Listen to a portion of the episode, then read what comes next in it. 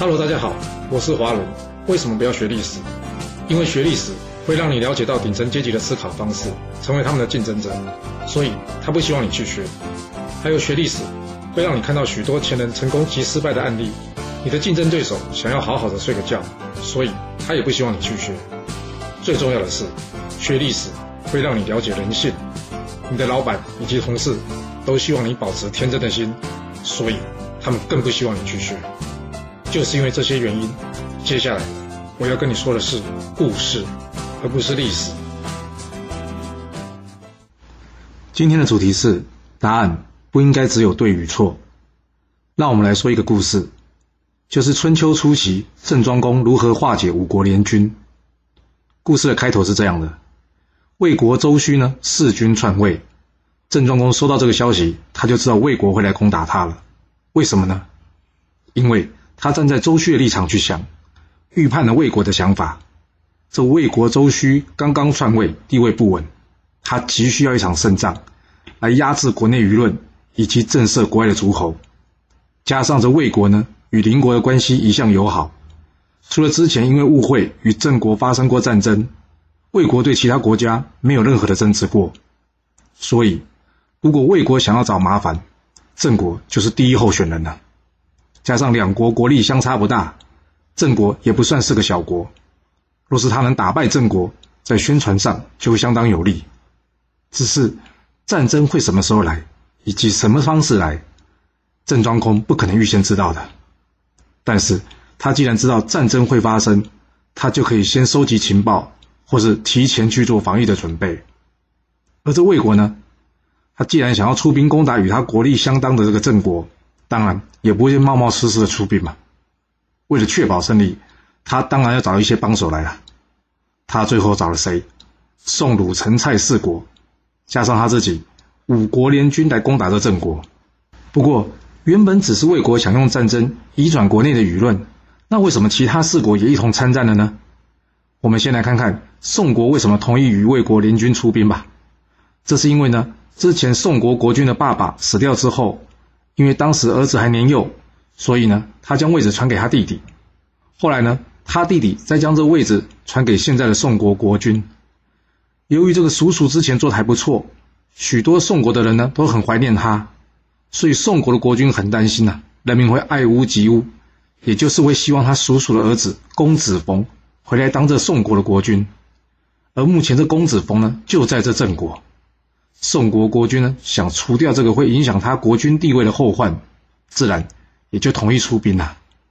那至于鲁国呢？鲁国是因为贪图魏国的财物而出兵的。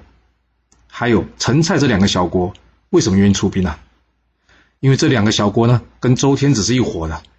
最近因为周郑不和，他们见到机会呢，可以替这老大出气，所以也同意出兵了。所以简单的来说，除了魏、宋两国以外，其他三国就是来帮腔的，并没有真正出兵的理由。但不管怎么说，这五国联军已经成型了。不过所谓出师要有名嘛，这出去打人总要有个好的理由吧。五国联军表面上的理由是什么呢？就是这郑国呢曾经攻打过魏国，现在魏国呢是来还以颜色的。哦，这个事情要从更早之前的事情来说了。当初因为郑国内乱。魏国受到叛乱一方的邀请，出兵攻打郑国。而郑庄公在解决内部叛乱之后呢，出兵回击这魏国。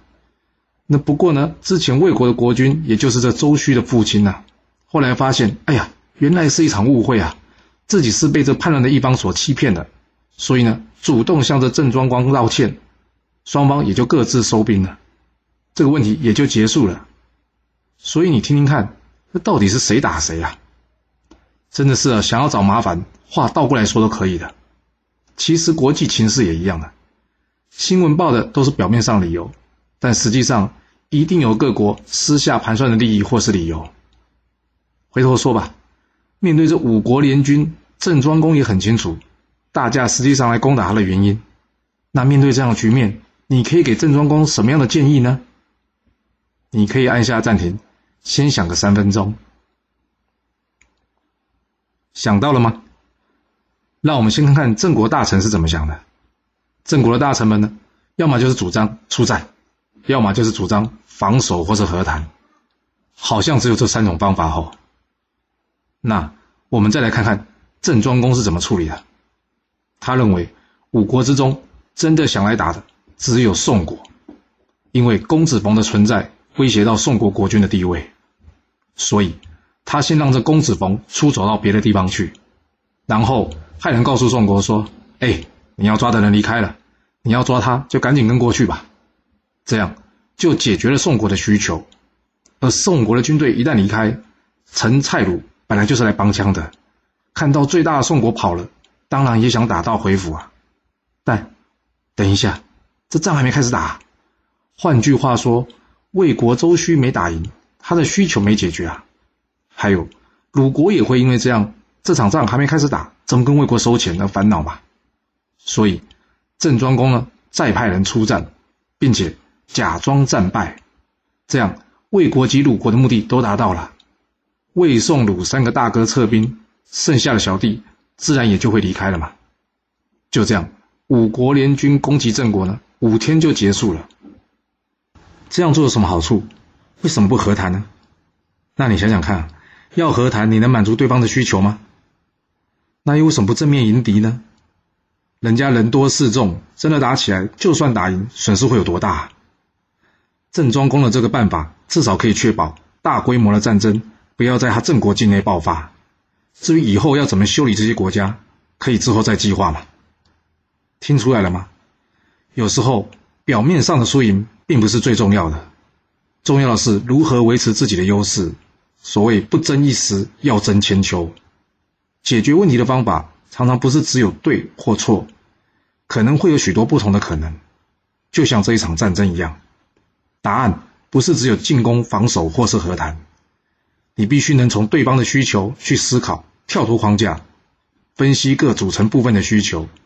有的你可以避开他，有的可以故意战败，甚至有的可以不理他。光是把故意战败及不理他这两项放在解决方案之中，你就可以看出郑庄公的智慧过人。你学到了吗？好了，我们今天先说到这。如果你就是不听我的劝，想知道完整版的故事内容，你可以从说明栏找到我爱故事频道的连结。不过记住哦，你是来听故事的，而不是来学历史的。要是您喜欢这个频道，麻烦您动动您的手指，追踪、留言，或是给我五星评价的支持以及分享。谢谢您来收听，我们下次再见。